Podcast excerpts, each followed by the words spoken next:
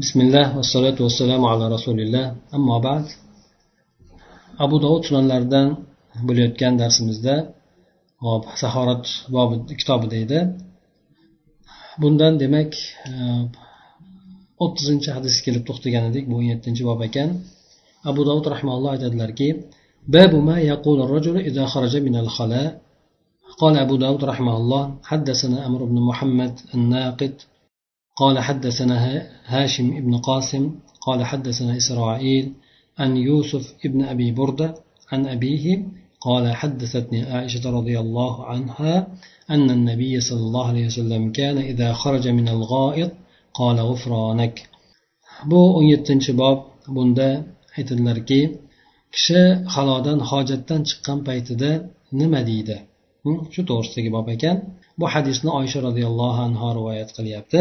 Aytadilarki payg'ambar sallallohu alayhi vasallam agar hojatdan chiqadigan bo'lsalar g'ufronaka deb qo'yilardi. Alloh taolo sendan mag'firat so'rayman gunohimni kechirishligingni so'rayman deb aytadilar. Nimaga endi g'ufronak degan so'zni aytadi? Hm? Sababi nima endi mag'firat so'rashligini? Ba'zi olimlar aytishgan ekanki mashhur bo'lgan holat shuki g'ufronak degani ya'ni payg'ambar sallallohu alayhi vasallam o'sha alloh taologa alloh taolo taomni yedirib uni foyda qiladiganini qildirib tashqi oshqishasini esa tashqariga yengillik bilan chiqarishlikka e, yordam berganligi shunga insonni muyassar qilib qo'yganligiga shukrona aytishlik payg'ambar sallallohu alayhi vasallam esa bu shukrona aytishlikni shu E, mag'firat so'rashlik bilan ado etadilar deydi. Ya'ni inson shunga shukrona aytishlik kerak. Bu esa payg'ambar alayhissalom bu shukronani o'rniga mag'firat so'rashlik bilan shukronani ado etardilar. Ya'ni shukronani mag'firat so'rashlik bilan ado etardilar deb aytishadi. Ba'zilar aytishadiki o'sha joyda allohni zikridan bir muddat to'xtab qolganligiga nisbatan mag'firat aytgan ya'ni o'sha hojatga kirganligi hojatda turganligi uchun allohni eslashlikdan e, band bo'lib qolgan shu joyda degan gapni ham aytishgan ekan lekin aytib o'tgan birinchi gapimiz shu olimlarni mashhur gaplari ekan. Ya'ni g'ufronak degani subhanak degan mazmunda ya'ni mastar bo'ladi. Buni sendan mag'firat so'rayman degan mazmunni anglatadi. Ya'ni payg'ambar sallallohu alayhi vasallam doim har doim alloh taologa shukur aytuvchi bo'lgan. Shukrini turli suratlarda ifoda qilgan. Mana bu o'rinda esa bu kishi shukrini allohdan mag'firat so'rashlik bilan ado etgan ekanlar. O'n sakkizinchi bobda keltiriladiki babu bil yamin fil istibro ya'ni hojatni tozalanishligida hojatdan tozalanishligida o'ng qo'lni bilan o'sha avratini ushlashlikni makruh ekanligi bobi. Abu dovud rahmaulloh bunda aytadiki قال حدثنا مسلم ابن إبراهيم وموسى بن إسماعيل قال حدثنا أبان قال حدثنا يحيى عن عبد الله ابن أبي قتادة عن أبيه قال قال النبي قال نبي الله صلى الله عليه وسلم إذا بال أحدكم فلا يمس ذكره بيمينه وإذا أتى الخلاء فلا يتمسح بيمينه وإذا شرب فلا يشرب نفسا واحدا bu hadisni abu qatoda roziyallohu anhudan rivoyat qilinar ekan. U zot aytadilarki allohni payg'ambari sollallohu alayhi vasallam aytgandilarki agar birlaringiz bavul qiladigan bo'lsa bavul qilayotgan holatida o'ng qo'li bilan zakarini avratini ushlamasin teginmasin. Hm? Ya'ni o'ng qo'l bilan ushlamasin balki u narsani pastlardagida chap qo'li bilan ushlashligini aytiladi. Bu birinchidan bo'lsa ikkinchidan haloga keladigan bo'lsa hojat o'tashlikka keladigan bo'lsa hojat chiqarishlik keladigan bo'lsa bunda ham o'ng qo'li bilan tozalanmasin. Ya'ni kattasini qiladigan bo'lsa ham o'ng qo'l bilan tozalanmasin shuningdek o'ng qo'l bilan istinjo ham qilmasin. Ya'ni mustahab ham qilmasin.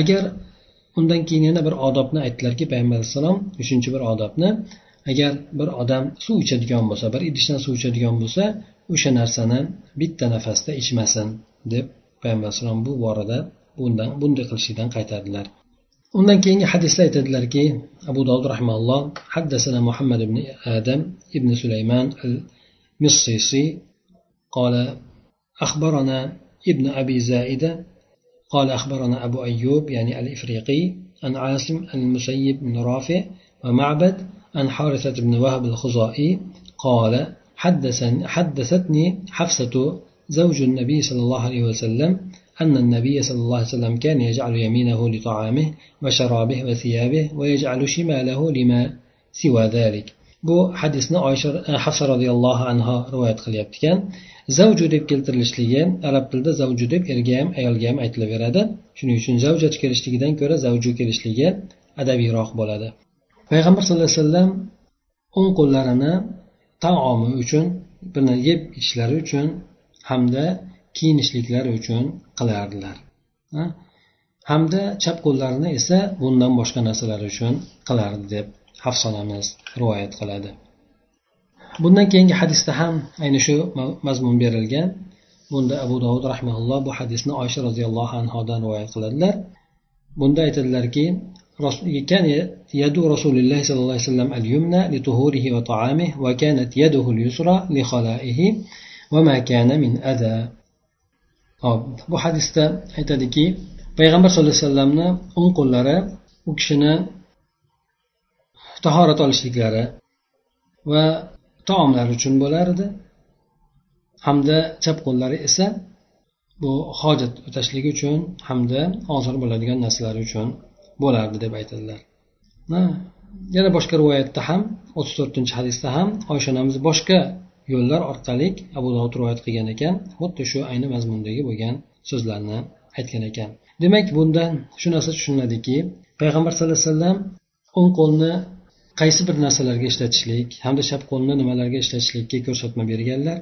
O'ng qo'l albatta chap qo'ldan ko'ra sharafligi bor obro'liligi bor hurmati bor. Shundan inson pok bo'lgan narsalarga hamda kerakli bo'lgan narsalarga o'ng qo'lni ishlatishlikka payg'ambar alayhisalomni sunnatlari edi. Chap qo'lni esa ozor bo'ladigan nopok bo'ladigan narsalarga esa chap qo'lni ishlatardilar mana shu demak payg'ambar alayhissalomni sunnatlari bo'lgan. Ana o'shandan hojat to'g'risidagi bu boblar kelayotgan paytda payg'ambar alayhissalom hojati uchun o'ng qo'lni ehtiyotsiz ishlatmas edilar. Insonni agar shu o'ng qo'lni ishlatishlikka hojati bo'ladigan bo'lsa bunda makruhligi yo'qoladi makruhligi ketadi. Agar hojati bo'lmasdan turib ishlatadigan bo'lsa albatta bu narsa ko'pchilik olimlarni nazdiga binoan makruh hisoblanadi. Ba'zi olimlarni nazdiga binoan esa harom hisoblanadi. Bu hambaliy mazhab bilan zohiriy mazhablari aytishgan ekan. Lekin umumiy suratda bu narsa albatta makruh bo'ladi. Payg'ambar alayhissalom e, yuqorida aytib o'tdilar. Demak inson bir tomondan nopok bo'lgan narsalarga o'ng qo'lini ishlatishligi chunki o'ng qo'ldan taomlanadi boshqa ko'rishadi. Boshqa yaxshi bo'lgan narsalarni o'ng qo'l bilan qiladi. Mana shuning uchun bu narsalarni o'ng qo'lni saqlab qolishlik hamda chap qo'lni hop boshqa o'rinlarga demak ishlatishlik shu narsalarga e, aytilgan ekan. Taomni puflab yeyishlik yoki bo'lmasa suvni e, puflab ichishlik bundan ham yuqorida aytib o'tilganda qaytarildi. Bir nafasda ichmasin degan nimada. Yana e, bunda albatta inson payg'ambar alayhisalomni sunnatlari bo'lib bo'lib uchga bo'lib ichishligi bu narsa insonni yana ham qondiruvchiroq bo'ladi. O'sha taomni yesa ham yoki bo'lmasa suvni ichadigan bo'lsa ham bo'lib bo'lib ichishligi yoki bo'lib bo'lib yeyishligi ichiladigan taomlarni hop hamda o'sha ichayotgan idishiga puflamasligi yoki nafas olmasligi o'shandan yoki nafas chiqarmasligi. Bunda agar undan keyin inson ichadigan bo'lsa inson undan keyingi odam unga undan keyin o'shandan iste'mol qiladigan bo'lsa ko'ngli noxush bo'lmasligi uchun yoki bo'lmasa o'sha og'izdan chiqadigan burundan chiqadigan narsalar taomga tushib qolib u odam ko'ngli xijil bo'lmasligi uchun bu narsadan payg'ambar alayhissalom demak qaytargan ekanlar. Undan tashqari inson yana o'zi ichadigan taomida ham unga puflashligi ichidan insonni ma'lum karbonat angidrid chiqadi. Albatta bu narsa taomga qandaydir bir bo'lgan viruslarni qayta chiqarishligiga yana ichga qayta kirishligiga sabab bo'lishi mumkin. Shundan payg'ambar alayhissalom qaytardilar. Ha ya'ni bu narsa ham islom odoblaridan taomlanish odoblaridan hisoblanadi. Albatta harom emas lekin makruh hisoblanadi. Inson iloji boricha o'sha odoblarni ham lozim tutishligi kerak bo'ladi. Bu narsa avvalo e, o'sha payg'ambar alayhisalomni sunnatlariga ergashishlik bo'ladigan bo'lsa ikkinchidan o'zini ham sog'ligiga uchinchidan esa boshqalarni ham e, jirkanmasligiga sabab bo'ladi. O'ttiz beshinchi hadisda keltiradi. Buni abu dovud rahimalloh bunga babul istitar fil degan e, nomni qo'yibdilar. Ya'ni hojat o'tayotgan paytda satr avrat qilib olishlik. Hm? Hop. Yuqorida ham bunga o'xshagan bobni keltirgan edi. Unda ikkalasini o'rtasidagi farq shundaki e, bu odamlarni bu o'n to'qqizinchi bobda kelayotgani odamlarni ko'zi ongida bo'lib turgan paytda inson hojatga kiradigan bo'lsa albatta old orqasini to'sib olishlik kerakligi to'g'risidagi bobdir. Ya'ni inson o'zi bo'ladigan bo'lsa albatta satr oldini old orqasini to'sib olishligi yaxshiroq bo'ladi lekin bu narsa lozim emas lekin boshqalarni ko'z o'ngida bo'ladigan bo'lsa albatta inson o'zini old orqasini to'sib olishligi kerak bo'ladi. Bu hadisni abu dovud rahimaulloh aytadilarki haddasna ibrohim musa rozi قال أخبر أنبأنا عيسى بن يونس عن ثور عن حسين الجبراني عن أبي سعيد عن أبي هريرة رضي الله عنه عن النبي صلى الله عليه وسلم قال من اكتحل فليوتر ومن فعل من فعل فقد أحسن ومن لا فلا حرج lekin ko'hil qo'yadigan bo'lsa ya'ni surma qo'yadigan bo'lsa toq qo'ysin payg'ambar sallallohu alayhi vasallamni o'sha surmadoni bo'lganda deydi. Bu kishi kechasida yotishlikdan oldin ko'zlariga surma qo'yardi. Yo bittadan yo uchtadan. Ikkala ko'zga u kishi ko'proq uchtadan qo'yardi ekan.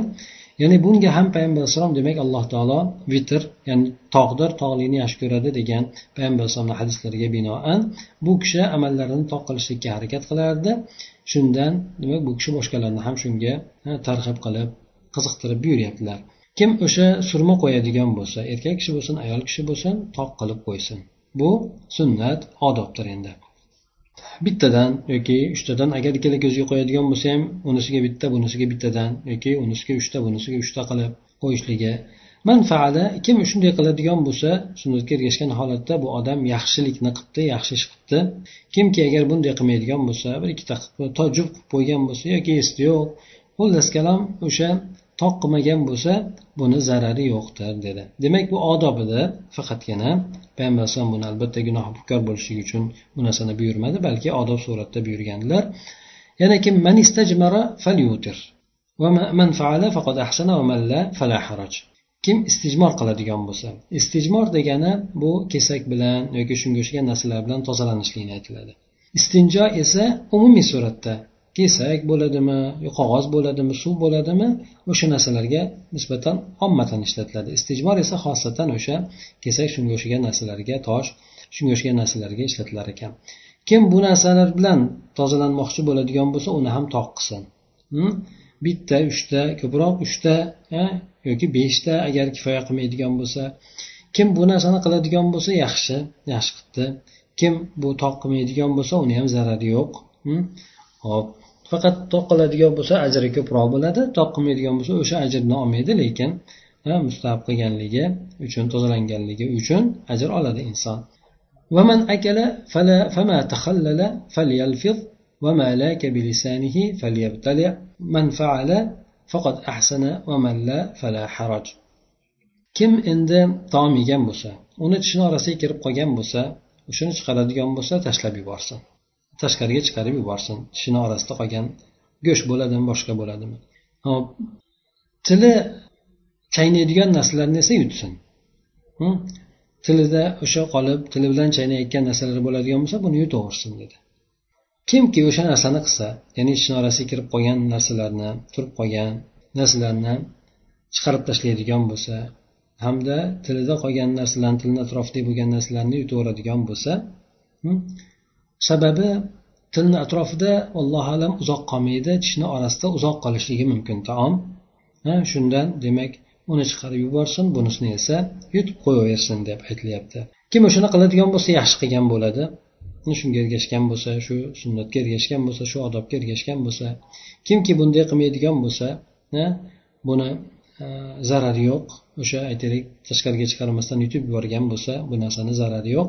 Ba'zi olimlar aytishadiki demak agar unda qon aralash bo'ladigan bo'lsa albatta inson qonni yutmasdan tashqariga chiqarib yuborish kerak agar qondan xoli bo'ladigan bo'lsa tishni orasida qolgan narsa buni iste'mol qilsa bo'ladi lekin chiqarib yuborganligi yaxshiroq bo'ladi agar bo'lib ham uzoqroq muddat qolgan bo'lsa من أتى الغائط فليستتر فإن لم يجد إلا أن يجمع كثيبا من رمل فليستدبره فإن الشيطان يلعب بمقاعد بني آدم ومن فعل faqat ahsana va la fala haraj.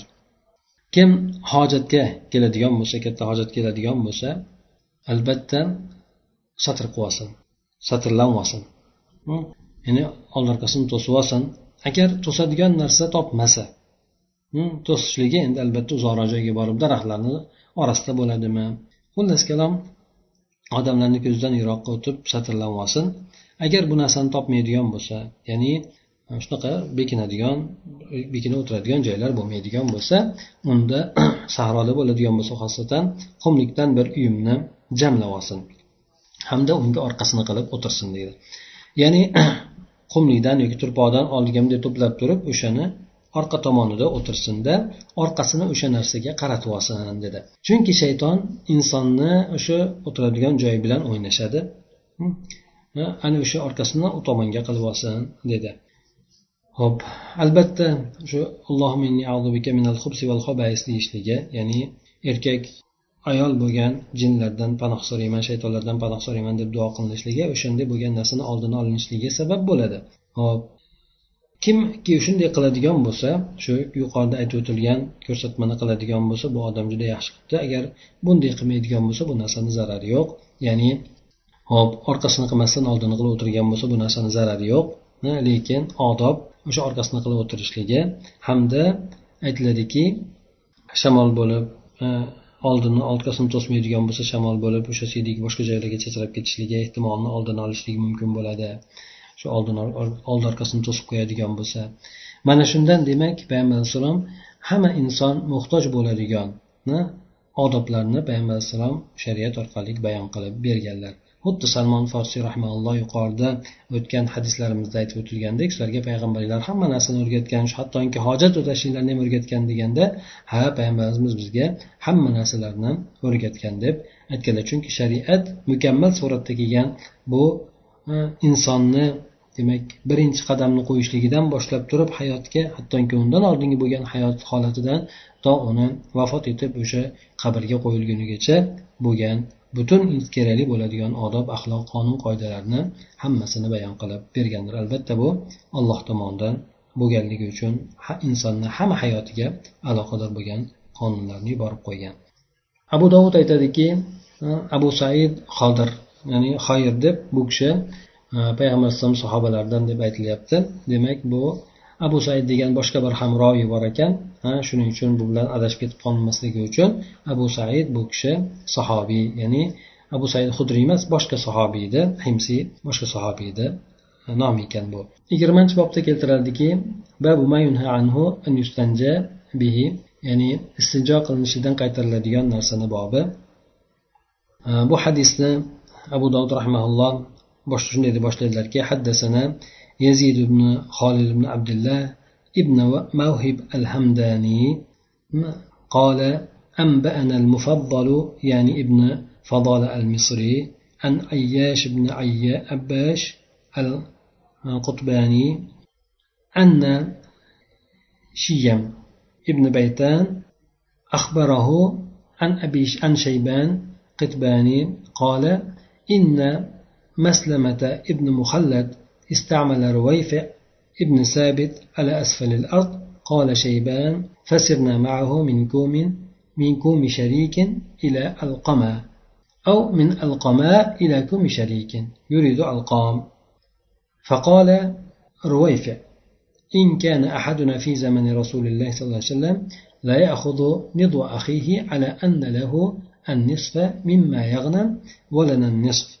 وإن كان أحدنا ليطير له النصل والريش وللآخر القدح ثم قال قال لي رسول الله صلى الله عليه وسلم يا رويفع لعل الحياة ستطول بك بعدي فأخبر الناس أنه من عقد لحيته أو تقلد وترا أو استنجى برجيع دابة أو عظم فإن محمدا صلى الله عليه وسلم منه بريء. bu hadisni abu dovud rahmaulloh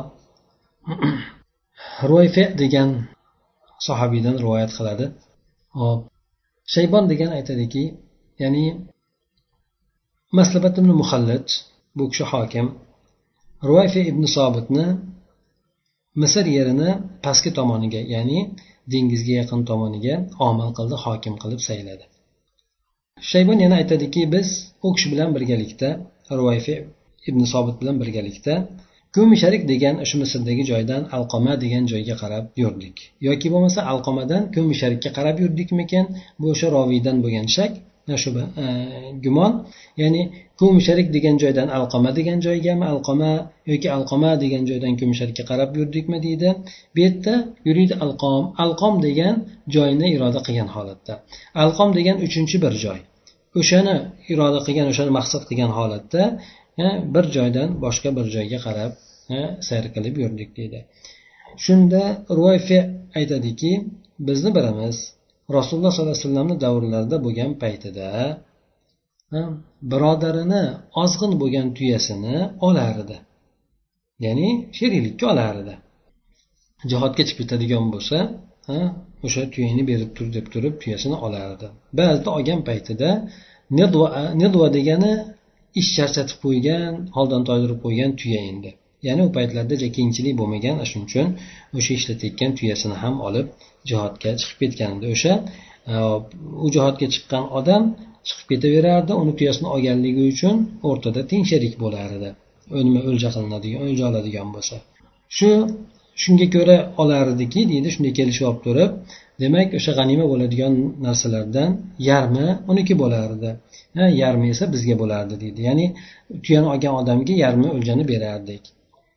Agar birimizga hmm, hop ulushiga tushib qoladigan bo'lsa nasl ya'ni nayzani yoki kamon o'qini uch tomondagi temiri va rish orqa tomondagi past tomondagi bo'ladigan pati endi o'sha nayzalar e, nima kamon o'qlariga qo'yiladigan. Mana shu narsa uni ulushiga tushib qoladigan bo'lsa boshqasiga esa e, qidih ya'ni qidih degani hop o'sha kamon o'qidagi bo'lgan yog'och endi bunday aytganda. O'qni yog'ochi yog'och qismi. Demak uchta qismini aytib o'tyapti. Yog'och qismi hamda yuqoridagi temir qismi hamda pat bo'lgan qismi. Mana shu demak kimgadir bu temir bilan pati tushar edi bo'lardi. Ya'ni shunday bitta o'q tushadigan bo'lsa shuni bo'lardik. Temiri bilan patini kim bittasiga olardik bittamizga yog'ochni olardik deydi. So'ng menga rasululloh sollallohu alayhi vasallam aytdilar ya'ni bunday qilinishligini sababi. Demak ozgina ola tushadigan o'ljani ham bo'lishishar edi. Shundan olimlar aytadiki agar bo'lishadigan narsa ikkala tomon iste'mol qilaveradigan hamda o'sha qadr qimmatini yo'qotmaydigan narsa bo'ladigan bo'lsa unda olingan qo'lga tushgan narsani taqsim qilishlik yoki o'rtadagi bo'lgan narsani taqsim qilishlik bo'ladi. Agar taqsim qilishlik zarar qiladigan bo'lsa hmm, qiymatini yo'qotib qo'yadigan bo'lsa unda u narsani unday taqsim qilib bo'lmaydi. Masalan uzuk bor ko'zi brilliant bo'lgan deylik. Buni ko'zini bittasi brilliantini bittasi olishligi buni qiymatini yo'q tushirib qo'yadi. Ana shunday bo'lgan qiymati tushib qoladigan bo'lsa zarar keladigan narsalar bo'ladigan bo'lsa unda bo'lmasdan uni o'zini butunligicha sotiladida ana undan keyin uni pulini bo'lishishadi. Agar zarar bo'lmagan holatda bo'linaveradigan bo'lsa uni unisini bir bo'lagini bunaqasini bu bunaqasini bu qilib mana bu odam yog'ochidan foydalanishligi ham mumkin narigi odam temir shpatidan foydalanishligi mumkin. Ya'ni shu narsa o'ljaga tushgan bo'lsa endi. So'ng rasululloh sollallohu alayhi vasallam menga aytdilar dedi. Biz bobimizga aloqador bo'lgan gaplari mana bu yerda. Ey ruayfe ehtimol siz bilan hayot mendan keyin uzun bo'lar mendan keyin uzoq muddat yasharsiz dedi. Odamlarga xabar beringki kimki soch soqolini bog'laydigan bo'lsa tugadigan bo'lsa ba'zi olimlarni sharhiga binoan jingalak qiladigan bo'lsa ya'ni o'z sochini jingalak qilganda soqolini jingalak qiladigan bo'lsa ba'zilari gapiga binoan tugib oladigan bo'lsa yoki chugib oladigan bo'lsa ba'zilarda bor bu narsa. Hop xuddi sochiga o'xshatib o'rib ham olishadi. Yoki vataron yoki bo'lmasa o'sha hayvonini yoki ulovini bo'yniga iplarni osadigan bo'lsa endi. Hmm, ya'ni ko'z tegishligini oldini olishligidan e, shunaqa maqsadda arablar osishib olardi ekan otlari tuyalarini bo'yniga o'sha vatar ya'ni teridan bo'lgan ip bo'ladi endi. Kamon iplari ana shunga o'xshagan narsalarni bo'yniga osib olishligi bu ko'zdan qochishligi uchun ekan ko'z olishlikni oldini olishlik uchun.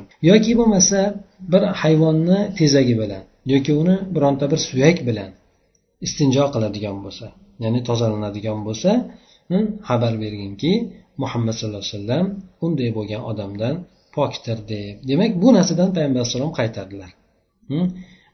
Hayvonni tezagidan hamda umuman suratda suvaklardan asosan endi hayvonni suvaklari bo'ladi shu narsalarga istinjo qilishlik ulardan ularni e, kesak o'rnida ishlatishlikdan payg'ambar alayhissalom qaytardilar bu o'rinda bundan keyingi hadisda abu dovud rahimalloh aytadilarki hop قال حدثنا يزيد بن خالد قال حدثنا مفضل عن أياش أن شيم ابن بيطان أخبره بهذا الحديث أيضا عن أبي سالم الجيشاني عن عبد الله بن عمر يذكر ذلك وهو معهم رابط بحسن باب اليون قال أبو داود حسن اليون بالفسطاط على جبل قال أبو داود وهو شيبان بن أمية يكنى أبا حذيفة ya'ni yuqoridagi hadisni boshqa bir rivoyat yo'lini aytilyapti bunda abdulloh ibn amr ibn os roziyallohu anhudan rivoyat qilingan ekan bunda esa u kishi o'sha hop bobi alyun ya'ni alyun degan bu joy o'sha joydagi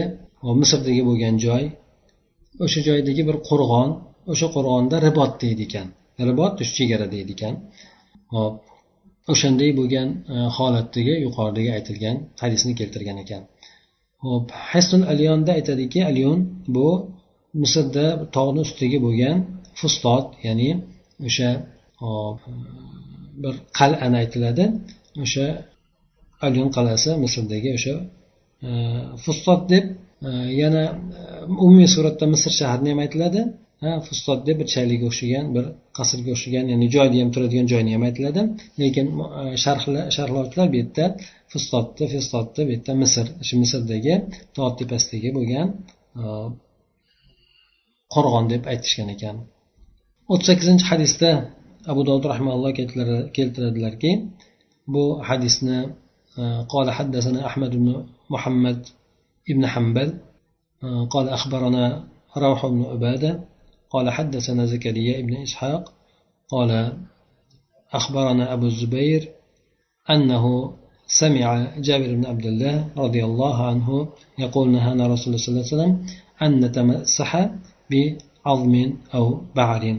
Bu hadisni demak jabir ibn abdulloh roziyallohu anhudan rivoyat qilingan ekan payg'ambar alayhissalom undan ham qaytarganlar ya'ni o'sha bir suvakka tozalanishlikdan yoki bo'lmasa bir tezakka tozalanishlikdan payg'ambar alayhissalom qaytargan ekanlar buni sababini esa quyidagi hadisda keltiriladi undan keyingi hadisda bu hadisni abu dovud rahmaulloh abdulloh masud roziyallohu anhudan rivoyat qilgan ekan bu kishi aytadilarki قدم وفد الجن على النبي صلى الله عليه وسلم فقالوا يا محمد إنها أمتك أن يستنجوا بعظم أو روثة أو حممة فإن الله عز وجل جعل لنا فيها رزقا قال فنهى النبي صلى الله عليه وسلم عن ذلك jinlardan bir toifasi payg'ambar alayhissalomni oldilariga keldi aytishdiki ey muhammad sallallohu alayhi vasallam ummatingizni istinjo qilishlikdan quyidagi narsalar bilan istinjo qilishlikdan qaytaring ya'ni suvak bilan yoki bo'lmasa tezak bilan yo ho'p humama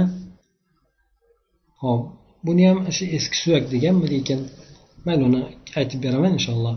Shu narsalardan demak istinjo qilishidan ummatingizni qaytaring dedi. Chunki alloh taolo biz uchun o'sha narsalarda rizq qilib berdi. Payg'ambar alayhissalom keyin o'sha narsadan qaytardilar. Ya'ni suyaklarda ularni o'zlariga o'sha alloh taolo unga go'sht qoplab berishligini tezaklarni esa ularni ulovlariga yemak qilib berganligini bular aytishadi.